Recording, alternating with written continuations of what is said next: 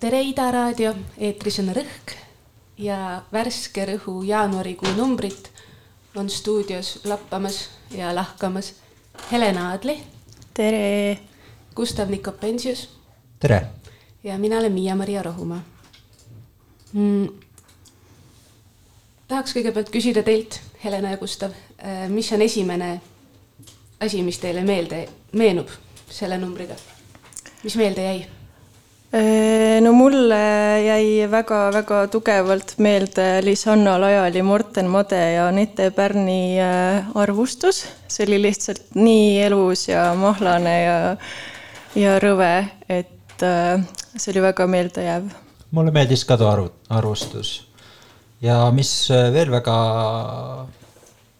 mida, mida oli veel väga huvitav lugeda, mis meelde oli, Miira Aurelia Eskelineni äh, Eskel ise äh,, siis äh, romaanist äh, olid mõned tõlked siin, mõned katked tõlgitud, mis oli ka väga, väga huvitav lugemine. sekundeerin, jah. sekundeerin kolmandaks mina no, hakkasin otsast lugema ja Helena, sinu tekstid ongi esimesed. ja siis ma mõtlesin, et mul on kümme minutit natukene sirvin ja alustasin kohe sinu esimesest tekstist ja sain aru, et oi ei, et seda ei saa niimoodi lugeda, et on kümme minutit, et ma ikkagi pean nagu maha istuma rahulikult. aga nii, et mul vist jäigi see nagu kõige teravamalt, aga me jõuame selle juurde varsti. Selles jaanuari numbris ongi siis proosanumbriga esinevad Helena ja Gustav ja koos nendega Emily Pajupuu. luulet saab lugeda Triinu Kreelt, Keter Dolgoševilt, Kaarel Mihkilt, Karoliine Kusminilt, Lauri Laasperelt, Eke Janiskilt ja Emily Kolgilt. siis juba mainitud Soome autori Miira Aurelia, kuidas me siis ütleme äh,? Eskelineni. Eskelin. äkki? jah, ei pea käändama soomekeelse okay.. tema romaanist on katkendid tõlkinud Moona Tärk ja Madli Oras on teinud intervjuu ühe autoriga, Karoliine Travnitšekiga, ei, oota, me harjutasime seda. Travnitsek või? Travnitsekiga, kelle raamatu tema tõlkis eesti keelde mm,. siis päeviku rubriigis kirjutab Susi-Ann Kaljas Barcelona transpordiromantikast ja mina kirjutan välgatuse rubriiki aeglusest. ja siis on kriitika, mida siin ka juba mainiti, Lisanna Lajal, Morten Made ja Anette Pärn kirjutavad King Kongi teooriast. Robert Varik kirjutab Jonathan Little'ist, Piret Tänava kirjutab Eesti novellist ning Melanie Mägi kirjutab Kätlin Kaldmaast. ja illustratsioonid, mida me kahjuks ei saa teile raadio vahendusel piisavalt hästi edasi anda. Nende autor on Miia Melanie Saar. jah, me pikalt arutasime, et kas me saaks neid kuidagi teieni tuua, aga kirjeldada ikkagi vist ei saa või kas sa tahaksid, Gustav, kirjeldada seda, mida sa vaatad praegu? ma hea meelega kirjeldan, mulle tundub, et see on võib-olla, kui lugeja kuuleb, siis tal tekib pilt silme ette ja siis ta tahab kohe kindlasti näha. Siin et, Eke Janiski luuletuste ees on üks pilt, mis mulle väga meeldis ja siin on uh, kaks siis inimest, kes näivad ma ei teagi, kas nad on nagu kuskilt kõrgelt alla kukkumas või kas nad põlevad lahe, lahe on ja, ja muidugi siis äh, palju on igasuguseid seenekesi siin, mis on ka toredad, aga see, see, see illustratsioon mulle jäi kuidagi silma. Ja läks hästi Eke luuletustega ka kokku minu arust. mis olid ka siukesed äh, põlevad ja vahel ka siukesed äh, äh, nagu suures liikumises või mm. -hmm EKE juurde me tuleme pärast veel tagasi. sest minu suur unistus on, oli teha raadiosaadet, kuhu saab helistada. nii et äkki, äkki mu unistus täitub. äkki EKE helistab meile näiteks, see oleks väga tore.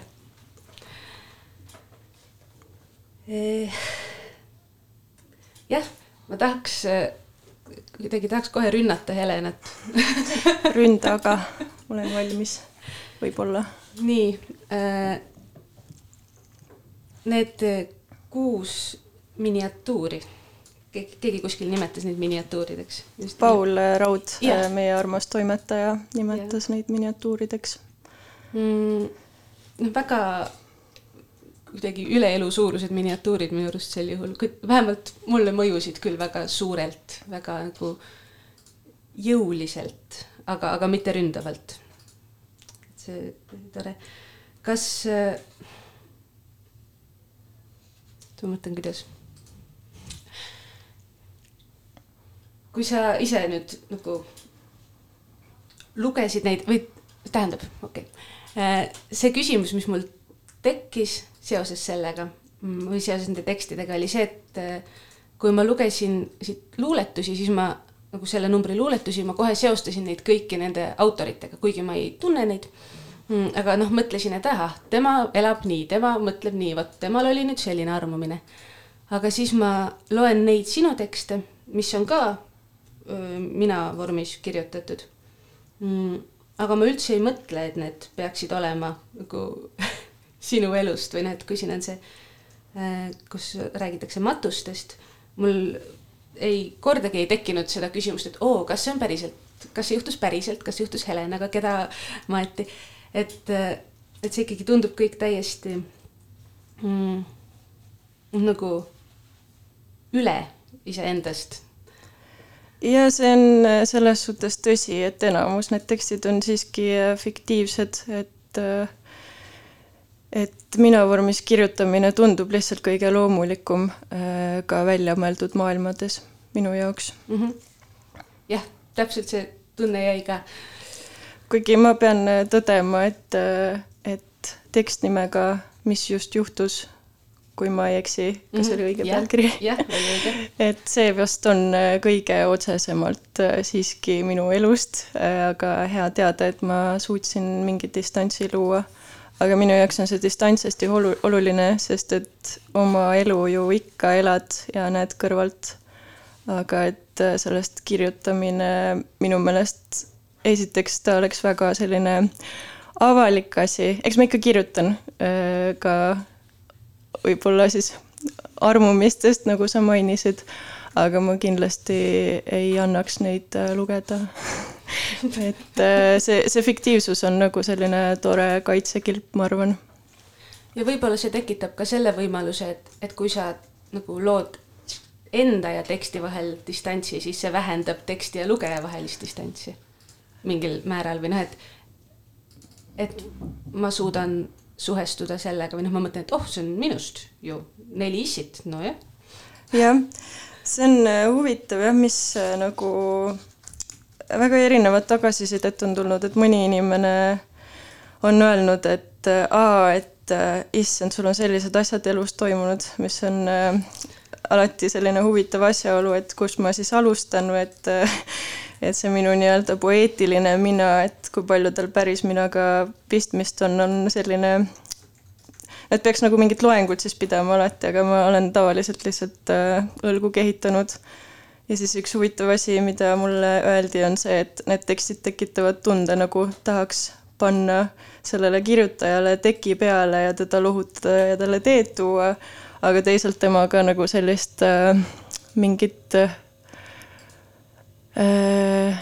mingit sellist äh, vastupanurühmitust alustada, et väga huvitavaid asju olen äh, kuulnud ja siis, kui on ka nagu tekstiga võib-olla mingi distants, siis saab seda kuidagi palju klaarima pea, peaga nagu vastu võtta, seda tagasisidet.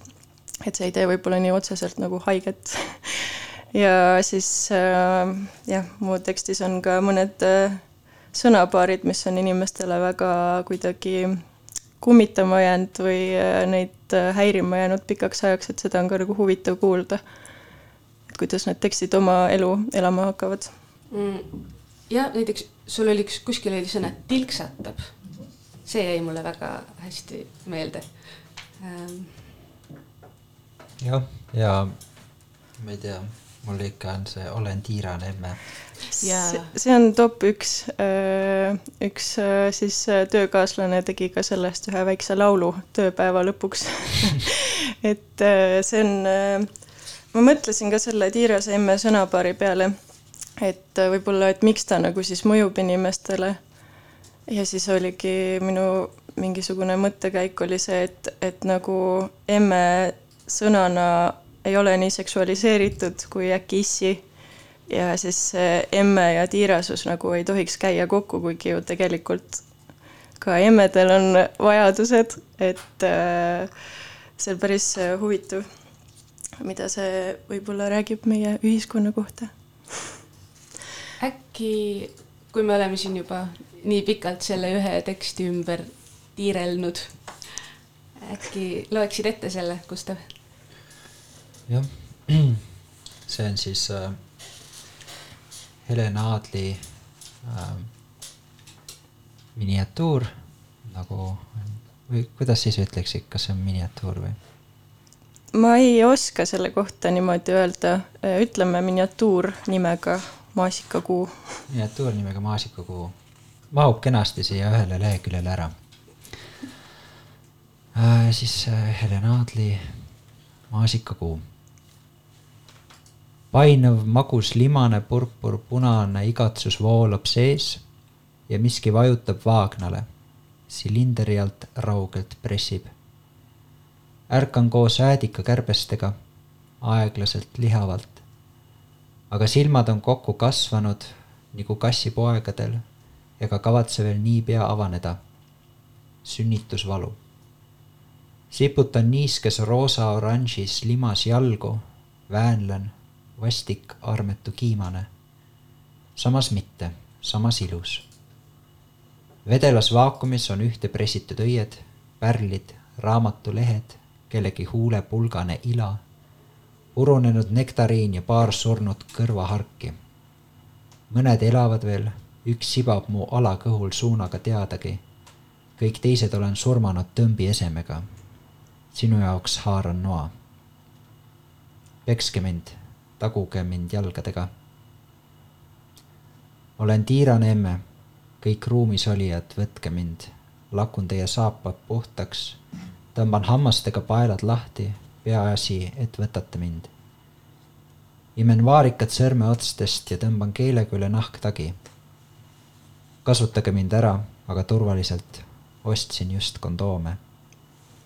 kas või sina, retsidivisti näoga suitsetaja või noh, mitte sina tegelikult sellest mõttest hakkas isegi hirmus hetkeks. tahan nii väga, et olen valmis Facebooki seinal abipalve kirjutama. aidake keegi, pange mind. saan aru, miks talle meeldib rattaga sõita. sõidan ka siis koju ja kuna keegi ei võta mind, otsustan ise võtta, röövida, puruks kiskuda. tuled korrusmaja uksest sisse, kõrv kikitab, kuulen iga su sammu jõuad saagina mu vaatevälja ja enam ma ei peatu. ei anu, ei ole passiivne. ma tõmban, võtan, panen, kuni sust saab märg laik. andmise taustal tilksatab veri aegluubis parketiprao vahele. prožektori vihud seda teekonda saatmas.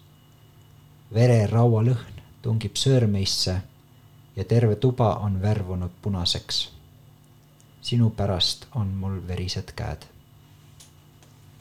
aitäh, Gustav. Äh, see oli väga huvitav kuulamine, sest ise ikka loed oma tekste üle enda rõhuasetuste ja oma rütmiga ja see andis nagu praegu palju rohkem äh, distantsi mulle, nii et see oli väga huvitav.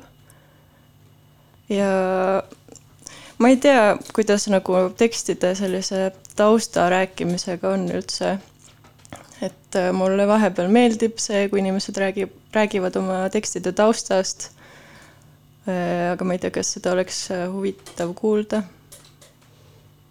me, mina tahaksin isiklikult paari nädala pärast võib-olla kuulata, sest mul on sihuke tunne, et ma tahaksin sinu tekste veel lugeda ja need tekitavad nii head nagu maailmad, nii head pildid pähe. aga kui sa tahad kuulda, siis lugejate nimel ma olen valmis tegema selle ohverduse ega ma ise tegelikult äh, liiga palju võib-olla rääkida ei tahagi, aga jah, ma sain aru või olen aru saanud äh, erinevatest äh, oma tekstidest siis äh, rääkides, et need mõjuvad inimestele palju kuidagi tumedama ja traumeerivamana, traumeerivamana kui mulle endale. ja praegu sind kuulates ma sain ka aru, et äh, see tekst on palju tumedam ja verisem, kui ta mu peas on, et mu peas on ikkagi mingi see helguse noodiga.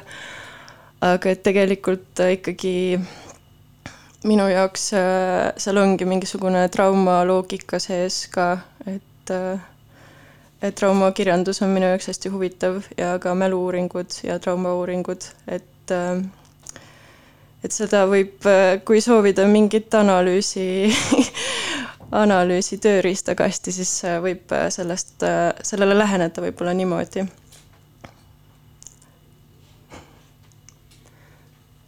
aga jah, ma ikkagi jätaks hea meelega teksti vabaks. jah, mul ka, kui sa küsisid, et kas avada tausta, siis mu esimene mõte oli, et ei, ei, ei, ei, ei ja mitte, et ma ei tahaks teada, mida sa mõtled või, või kuidas sul oli seda kirjutada, aga kuidagi jah, tahaks, et ta jääks omaette. jah, mõneks ajaks siis vähemalt. nõus, ma olen ka tundnud, et vahepeal äh, mõned äh, taustajutud rikuvad teksti ära ja mm, -hmm, ja, ja ma pelgan seda minu arust selle sinu tekstide suur tugevus on see, et äh, need jätavad hästi palju lugejale ruumi. see tähendab, et kõik kohad, mida sina ei ole täis kirjutanud, ma saan ise täis mõtelda mm -hmm, ja panna sinna just. enda oma kogemusi juurde. et äh, no jah, see tumedus on ka selline asi, et see on, see on tegelikult kõigi meie sees olemas ja tihtilugu see ei ole üldse nii nagu no emotsionaalselt küpsele inimesele või, või sihukesele inimesele, kes iseendaga teeb, teeb mingil määral tööd ja, ja mingil määral oskab iseendale andestada ja iseennast sallida. tema jaoks tumedus ei ole üldse nii hirmus asi et mina ka, kui ma seda teksti loen, siis ma näen, et jah, et siin on äh, nagu mingi tumedus sees ja aga, aga ei ole ka kuidagi nagu hirmutav, vaid, vaid niisugune nagu äratuntav ja, ja no, tore, väga tore tekst või noh, tore on natukene tobe sõna selle kohta, aga äh, hea tekst, mida talvel lugeda minu arust, siis kui on pime väljas ja vahel ka sees mõtlesin ka kuidagi, et nagu toreda inimese tumedus, noh, et see on ka nagu, sa, et loed ja saad aru, et on, on tume ja pekske mind, aga et ikkagi, et siit kumab läbi ka, et, et on tore inimene. Ma ei tea, see on ka nii nagu sama tobe asi, mida öelda kui tore tekst, aga jah. Mm Äh, siis, kui sa, Helena, ütlesid nüüd, kui Gustav lõpetas selle ettelugemise, et, äh, et nii lahe on kuulata, kuidas keegi teine loeb su teksti ette, et noh, täiesti teine äh, või just need rõhuasjad ja et saad nagu kõrva, ise vaadata kõrvalpilguga oma teksti. mul oli näiteks oma selle numbri tekstiga täpselt sama asi, kui ma olin selle valmis kirjutanud, siis ma andsin oma õele ta lugeda ja õde pani mind diivanile istuma ja luges selle kõik mulle ette, mida ma üldse ei tahtnud, sest ma ei tahtnud seda kuulata sellel hetkel, sest ma olin ta ju noh, just olin ära kirjutanud ja kuidagi vastik oli.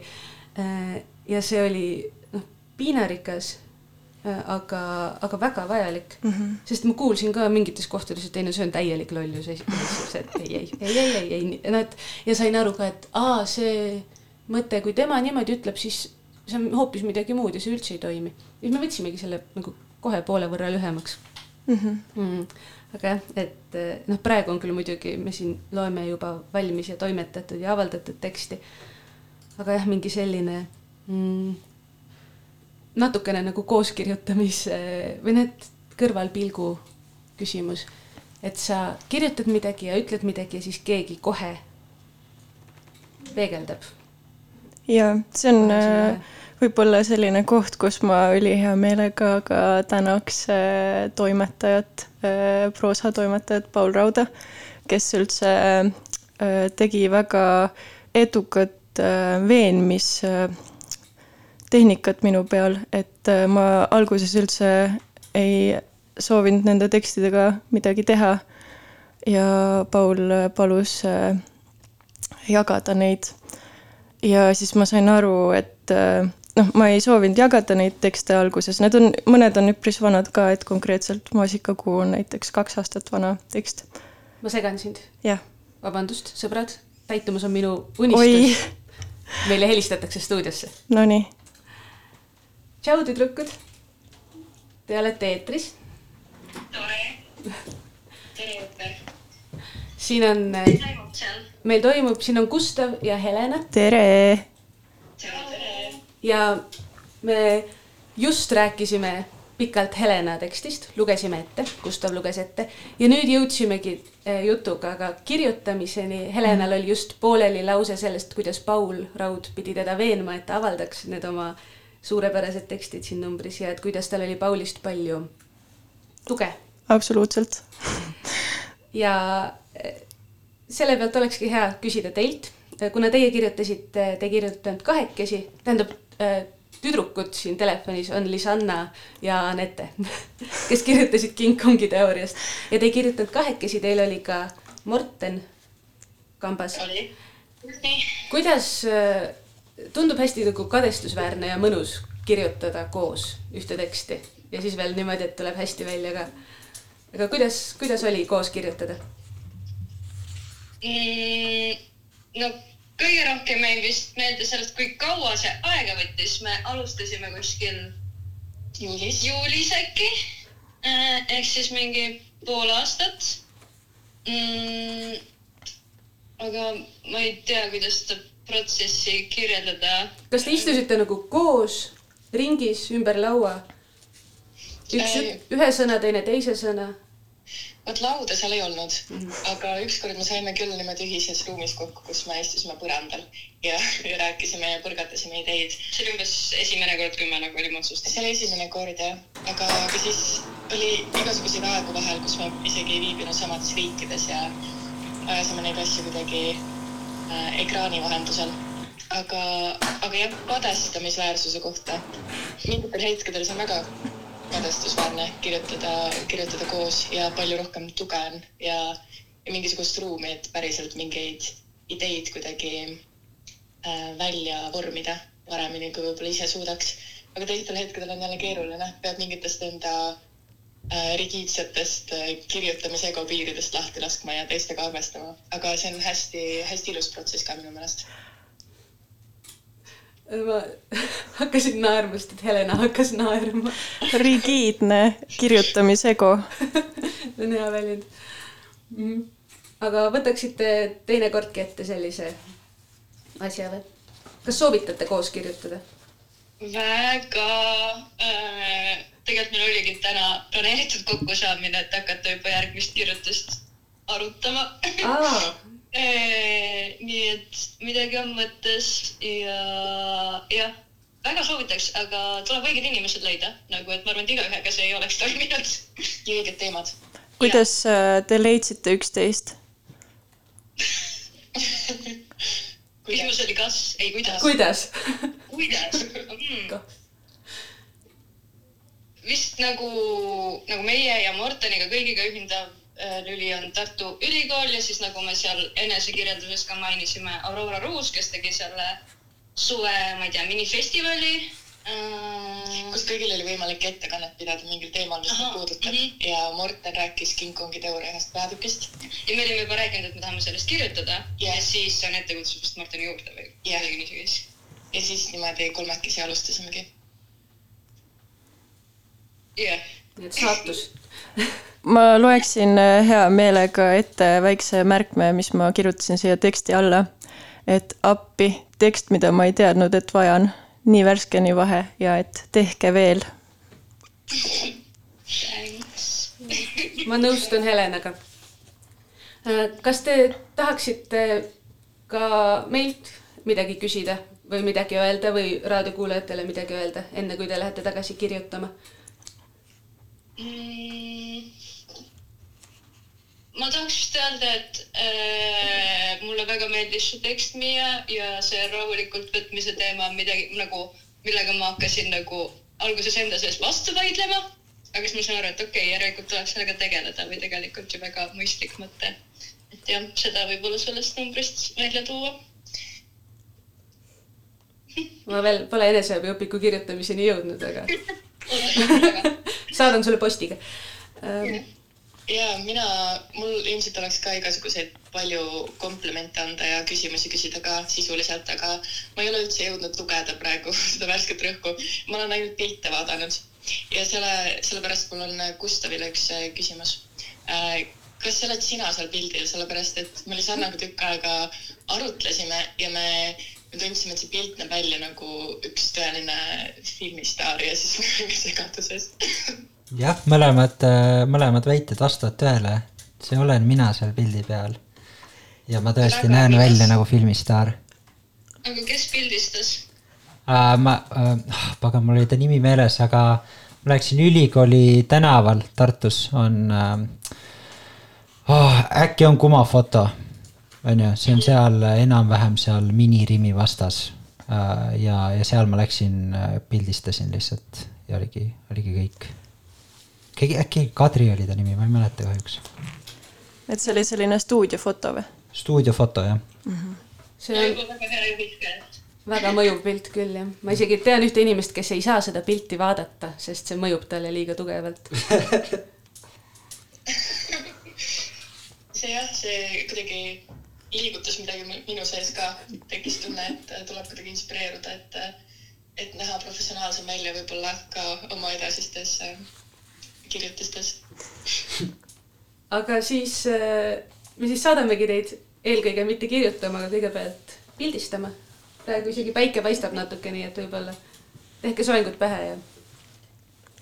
teeme nii. minge kaameraga õue. nautige. aitäh, tšau. tšau. selle pealt me võiksime minna vist esimese muusikapalani esimese muusikapala juurde. Ehm, ja see on. Helena, kas sa saaksid öelda, palun, mis on meie esimene muusikapala? ei? siis ma ütlen ise. väikesed tehnilised viperused, tähendab, ma näen, et loo nimi on See you all. ja artist on Codelam, aga ma ei tea, kuidas seda hääldada. kahe peale saame hakkama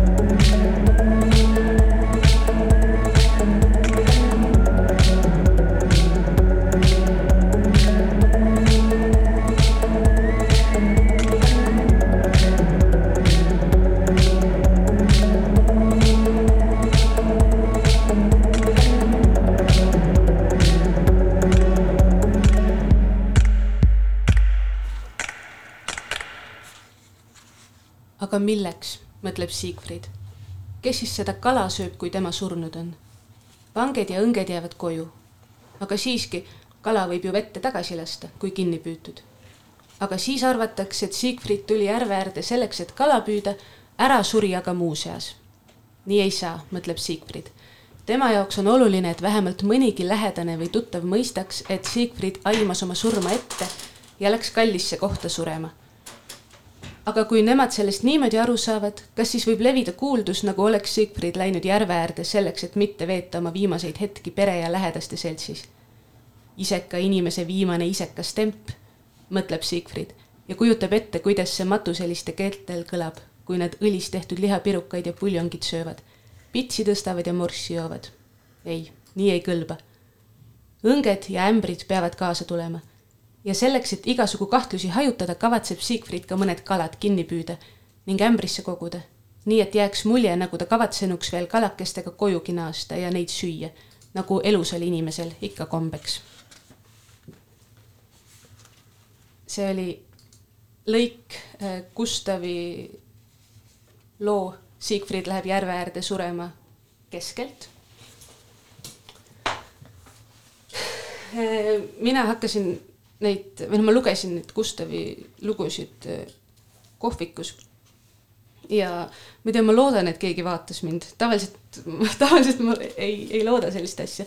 aga ma tõesti loodan, et keegi jälgis, kuidas ma seda lugesin, sest et mul nagu, kui ma lugesin läbi seina siis vahepeal mul läksid silmad suureks ja mul vajus suu lahti ja ühel hetkel ma tõesti nagu tegin niimoodi nagu täiesti kuuldavalt, ma elasin niimoodi kaasa ja ma, noh, ma pole ammu nii jah, nii hoogsalt kaasa elanud ühelegi tekstile, mida ma loen. absoluutselt äh, nõus. Äh, Gustavi äh, tekst Hald ja puljong ja teepõlluvahi pere algas samamoodi, et ma lugesin esimese lõigu läbi ja ma panin lihtsalt need kaaned kinni et et hetkeks seedida seda ja ma mõtlesin, et äh, jah, davai, lähme, et see tekst, need tekstid ja see tekst ja, ja ma... äh, kindel suge-, lugemissoovitus. jah, ja sellepärast ma ka, mu esimene mõte, ma mõtlesin, et oo, tahaks seda Haljo Puljongi ja Tee Põlluvahi pere esimest lõiku näiteks ette lugeda, siis ma mõtlesin, et ei, ei, ei. et noh, ma parem palun teil kõigil seda ise lugeda endale ette ähm,. kas sa tahaks ka midagi öelda, Gustav?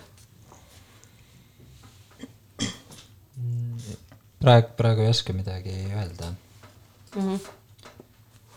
siis, äh, siis ma küsin sult hoopis seda, et äh, noh, mis meil enne ka jutuks tuli, et äh, ja võib-olla räägime sellest edaspidi ka, et väga paljud tekstid selles numbris on mina vormis kirjutatud ja noh, kas siis Helena puhul, nagu me juba kuulsime, võib-olla ta ei kirjutagi tegelikult endast, aga kirjutab mina tegelase kaudu.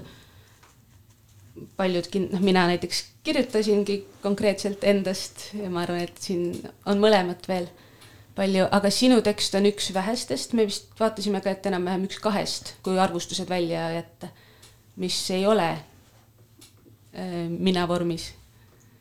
et ähm, jah, see on huvitav asi küll siin on ju. ma ei tea, kas see on, äh, kas see, kas see on nagu laiem, äh, laiem äh, nähtus üldse kirjanduses või see on lihtsalt siis värske rõhu eripära või selle numbri eripära. aga ma mäletan juba, et kus, kui ma gümnaasiumis käisin, mis oli juba üle kümne aasta tagasi, siis kirjandusõpetaja Helgi Tering rääkis sellest, kuidas maailmas inimesed loevad suuri pakse romaane, mis on kirjutatud äh, inimeste poolt iseenda elust. sadu ja sadu lehekülge. Ja, ja sii-, ja siin on tegelikult samamoodi ja siis äh, no tegelikult see üks tekst on ju, et millest, mis mina nagu mainisin, et mulle väga meeldis, oli siis äh, Miira Aurelia oma äh,, kus ta, no ta alustab äh,, siin on äh, see valik, mis on toodud, siin ta alustab sellest, et äh, äh, nagu hirmust. et hirmust, et äh,, et ta kirjutab siis äh, nagu hirmust ja kahtlustest, ma saan aru, mis tal olid enne, et tegu on äh, transnaisega. ja ta räägib äh, sellest, et äh, kardan, et inimesed pettuvad, pettuvad minus sellepärast, et ma ei ole enam Jalmari. kardan, et inimesed pettuksid, kui oleksingi jälle Jalmari ähm, tohutult huvitav oli näha teise inimese pea sisse.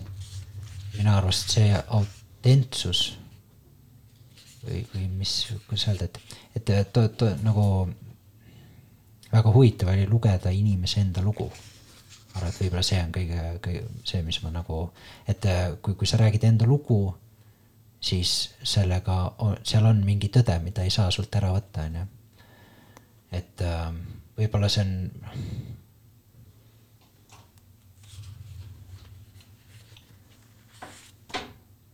äkki see on nagu see, äkki see on nagu mingi see trend, mis ühiskonnas on see, et, et kõigil on nüüd mitte ainult võimalus rääkida enda lugu, vaid et kõigi lugudest ollakse huvitatud.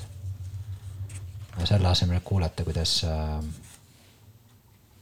ei tea, räägitakse teiste inimeste lugusid.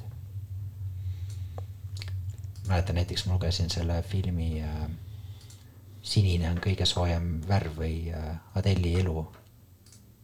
See, mis oli umbes kümme aastat tagasi, oli kuulus, hästi kuulus film. ja siis ma vaatasin kriitikat, mis selle kohta oli olnud, et no väga-väga-väga kuulus, väga palju auhindu võitis, aga kritiseeriti, et äh, siin on äh, vist äh, heteroseksuaalne mees, on ju, kes teeb filmi äh, naiste omavahelisest armastusest et see on nagu võib-olla muutus, mis on toimunud ühiskonnas. Ja äkki siis on kajastatud ka siin selles numbris?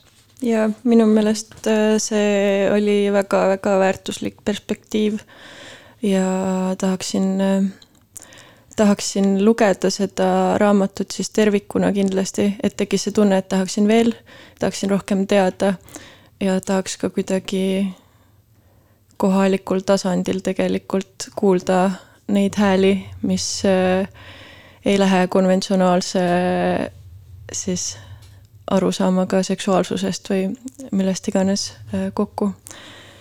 et ma olen nõus, äh, et see oli väga-väga mõjus tekst, ma kriipsutasin siin tohutult palju kohti alla ja ja seal tekib nii palju küsimusi ja nii palju nagu erinevaid suundi, kust edasi mõelda. ja ja tõesti soovitan, soovitan tegelikult kõigile, eh, et mõista paremini erinevust. ja tõesti väga-väga huvitav tekst. jah, ja veel lisaks tahaks kiita tõlkijad ka, kes on noh, esiteks väga hästi tõlkinud, aga. Moona Tärk siis. Moona Tärk, et need on katkendid ja aga ta noh, mõjub nii terviklikult, et seal ei ole üldse mingit, ma ei tea, katkendlikkuse tunnet. et, et ma täiesti unustasin ära, et, et nad on jupikesed pikemast romaanist, mida noh, tõesti tahaks nüüd lugeda ähm, kas äh, ma võiks äh, nii-öelda äh, diiseri korras ühe lause siit ette lugeda? Ähm, kardan, et ma ei saa olla päris naine, sest ma pole kogenud kogenud terve eluaja kestnud seksualiseerimist, ahistamist, alavääristamist, ignoreerimist. et see on selline äh, võib-olla hea äh, lugema kutsuja, vähemalt minu jaoks oli teksti alguse poole.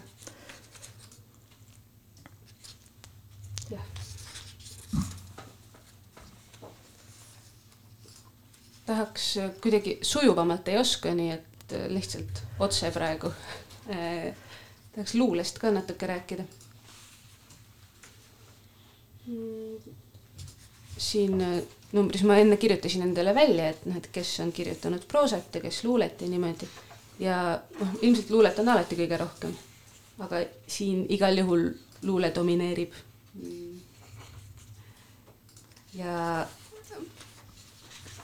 kõik, kõik need olid sellised keda, kes nagu kuidagimoodi mõjusid, mõne puhul ma mõtlesin, et oi ei, ei, ei, ei, ma ei, ma ei, ei, ei. et noh, ma ei saa praegu lugeda seda, ma ei taha seda lugeda. aga, aga see on ka hea tegelikult. Mm, kui ma võib-olla vaatan, et oh, kümme aastat tagasi ma mõtlesin ka nii, aga miks ta ikka veel niimoodi mõtleb, siis ma saan aru, et ta ongi must kümme aastat noorem, nii käibki, nii noh. see ongi, kõik ongi väga tõsine, kui sa oled kaheksateist ja peabki olema mm,. aga praegu otsin, kohe leian. mulle väga meeldisid Kaarel Mihki lühiluuletused mm,. seal on neid kuus tükki. ma ühe loen ette. homset mu silmad ei näe, pole kunagi näinud jah, selle, see on nagu asi, millega saab vahetevahel täiesti samastuda mm. -hmm. selle Kaarel Mihki tekstide puhul ka mind vist enamuse siis ma ei tea, kuidas neid kutsuda, lühiluuleks või? et miniatuurid, Helena. miniatuurid. et, et see esimene rida ehmatas mind natuke alati ja siis äh, teine rida kuidagi või järgmised read pakkusid mingit lohutust või, või sellist äh, lohutust sellest, et aa, see tekst ei lähe edasi nii, nagu mu aju juba mõtles, et ta läheb. et see on alati hea märk.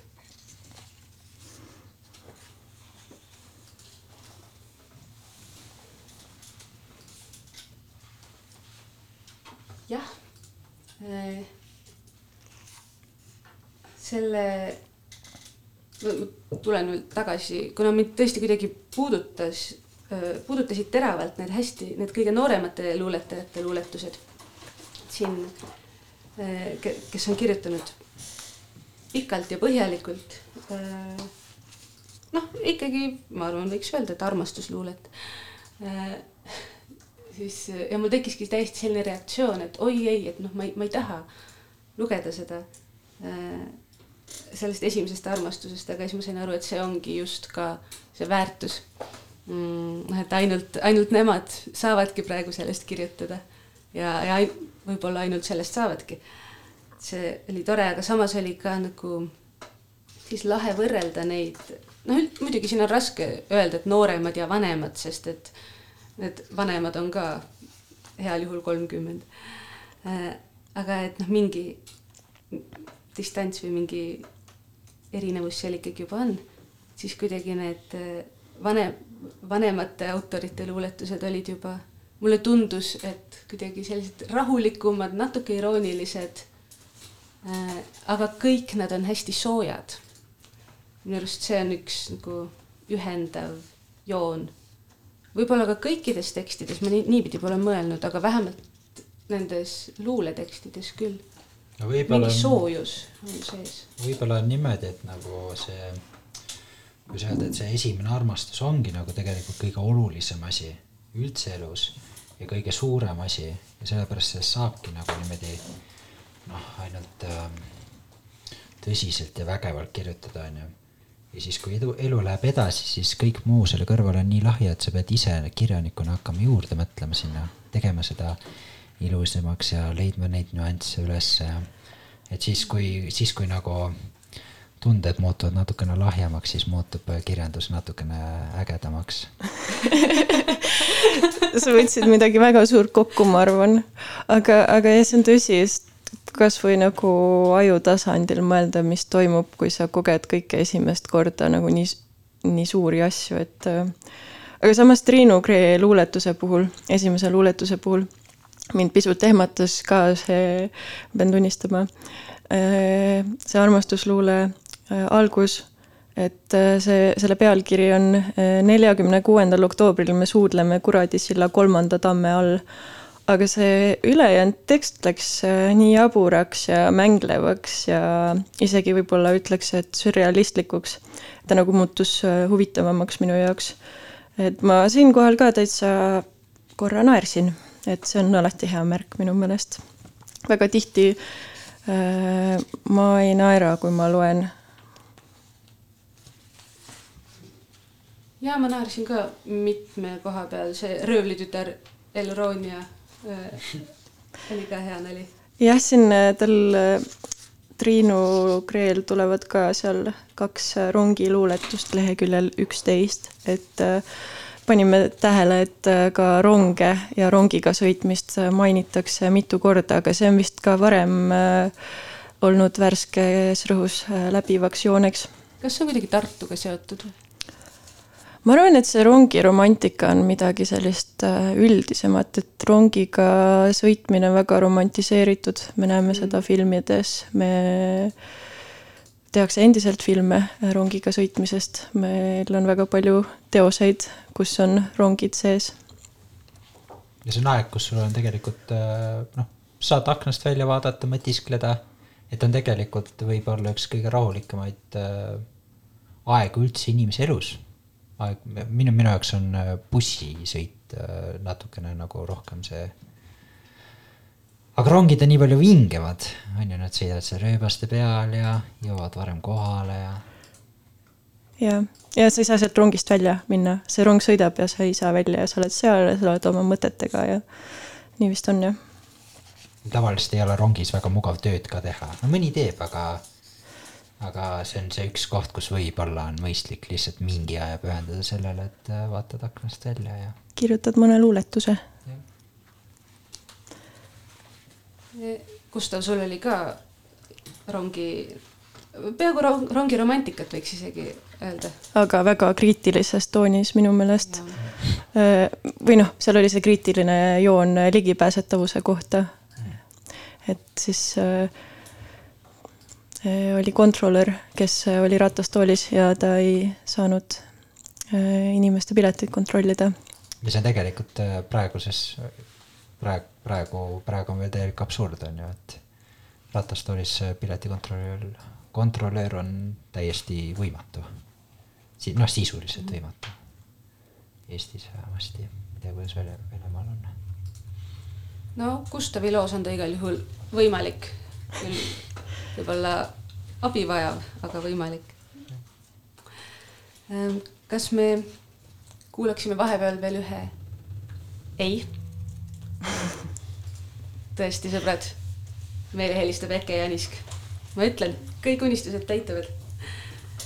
tere, Eke, sa oled tere. eetris. oi, tere, Miia. siin on ka Gustav ja Helena. tere. tere, Gustav ja Helena. kuidas teil läheb? hästi. meil läheb hästi, me räägime luulest, nagu ikka. oi, nagu ikka luulest yeah.. kõik ongi üks suur luule, kõik looming ongi üks suur luule, kui mõelda Heideggeri peale. jah, ka nii. Ähm, kas tahaksid sa midagi meile öelda oma luuletuste kohta, mis siin värskes rõhus on äh,? tead, ma just nagu mõtlesin selle peale, kui ma vaatasin äh, seda värske rõhufaili. et äh, tead, nagu sai nagu ära öeldud ja mul nagu puudub igasugune emotsionaalne side sellega, äh, mis sai nagu kirjutatud. Vot sellest me enne ka rääkisime, et, et kui, kui isiklikud või mitteisiklikud need tekstid on äh, üleüldse, noh, et kas sa kirjutad et või omal moel see pole isegi oluline, kas sa kirjutad täpselt endast, aga kui sa vaatad seda, siis kas sa näed seal nüüd ennast või oled täitsa lahti nagu? jaa, Äh, kindlasti ma näen ennast, aga ka see on nagu huvitav, et, et rääkides ka nagu laiemalt mingisugusest kirjandustendentsist, äh, mis on praegu noortel, et rääkida iseendast, siis ma just jäin selle peale mõtlema, et tekstid on tegelikult alati dialoogis kellegiga. et kui ma üritan nagu kirjutan, siis see on alati tegelikult, ma tahaks kellegagi suhelda, kellega ma ei saa suhelda või kellele ma mõtlen, kui ma kirjutan mingeid asju. seega kindlasti on seal mingi isiklik tasand nagu säilinud siiamaani sest need inimesed ei ole ju kadunud ja on seal tekstis olemas selles mõttes. Kuigi ei ole võib-olla nagu otseselt näha, et nad oleks dialoogis. nii et eh, see, mida Gustav enne, kui me hakkasime salvestama, ütles midagi ka sarnast selle kohta, et, eh, et võikski vaadata kirjandust kui suhtlust. mingi nagu sotsiaalne abivahend või, või mingi sotsiaalne asendus on ju et sul on raamatus võib-olla seltskond või mõttekaaslane või midagi taolist? Absoluutselt. Ja selles mõttes äh, üks mõte, mida ma olen ka mõrga, põrgatanud ja mida tegelikult Saara võttis oma selles äh, kõnes, äh, mis Sirbis avaldati väga-väga hästi kokku, et, et see on ju võimalus tegelikult kaasa mõelda või nagu olla autoriga või teosega nagu kaasas käia ja kaasa mõelda, et ta ei pea, et, et nagu mitte mõelda kunstist kui mingisugusest asjast või mateeriast, mis peaks tekitama meis tundeid, vaid mõelda seda kui võimalust kellegagi kaasa mõelda ja minna nagu tema manu ja vaadata nagu tema nagu mätta pealt või mm. -hmm. selles osas see mm, Anette, Lisanna ja Morteni arvustus on minu arust väga hea näide sellest, kuidas nad alu, alustavadki arvustust sõnadega tšau tüdrukud. Ja, ja mul ongi kohe see tunne, et aa, et noh, nad on siin ja mina olen siin ja nüüd me oleme nagu koos, mõtleme ja arutleme seda asja just mm.. Eke, kas äh, nüüd sa oled jõudnud lugeda on ju kõike äh,. ei, ei.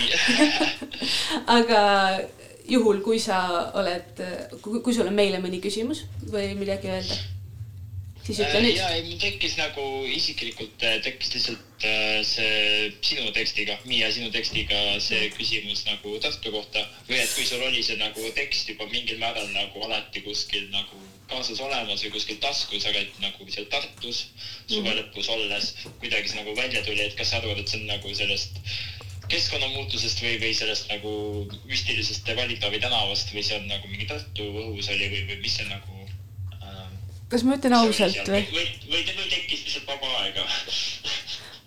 okei okay,, ma ütlen ma ütlen ausalt, kuna see oli kuu lõpp, siis mul oli telefonist andmeside oli otsas ja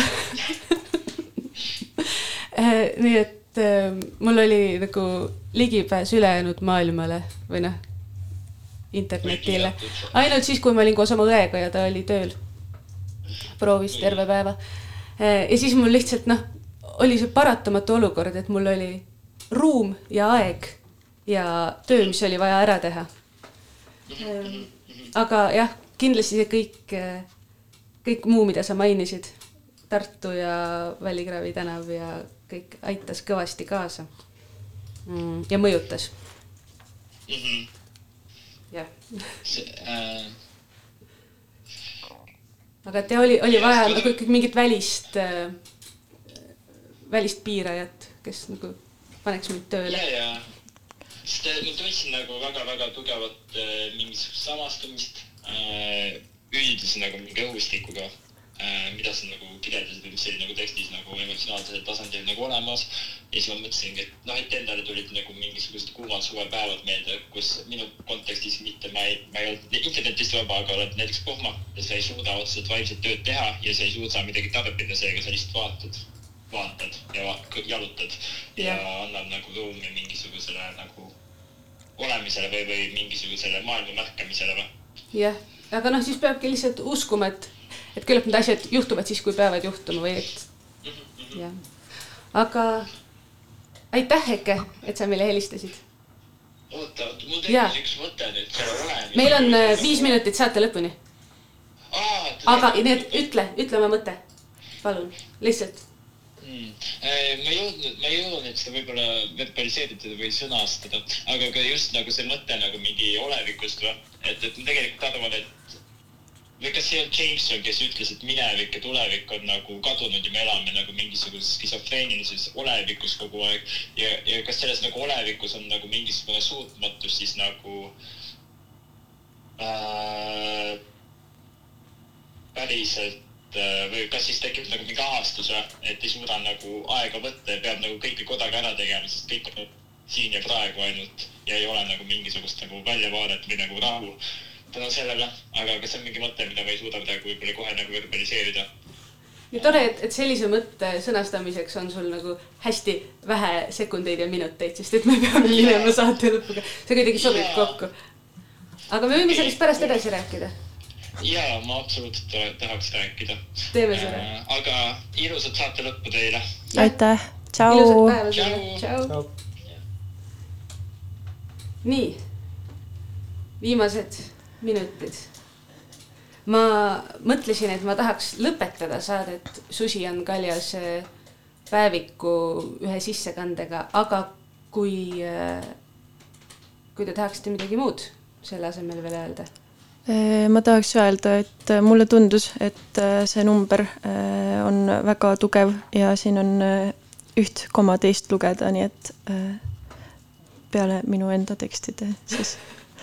jah, me tegime praegu väga põgusa ülevaate ja üldse mitte sellise võrdse, et tegelikult võiks kõikidest neist üsna pikalt arutleda.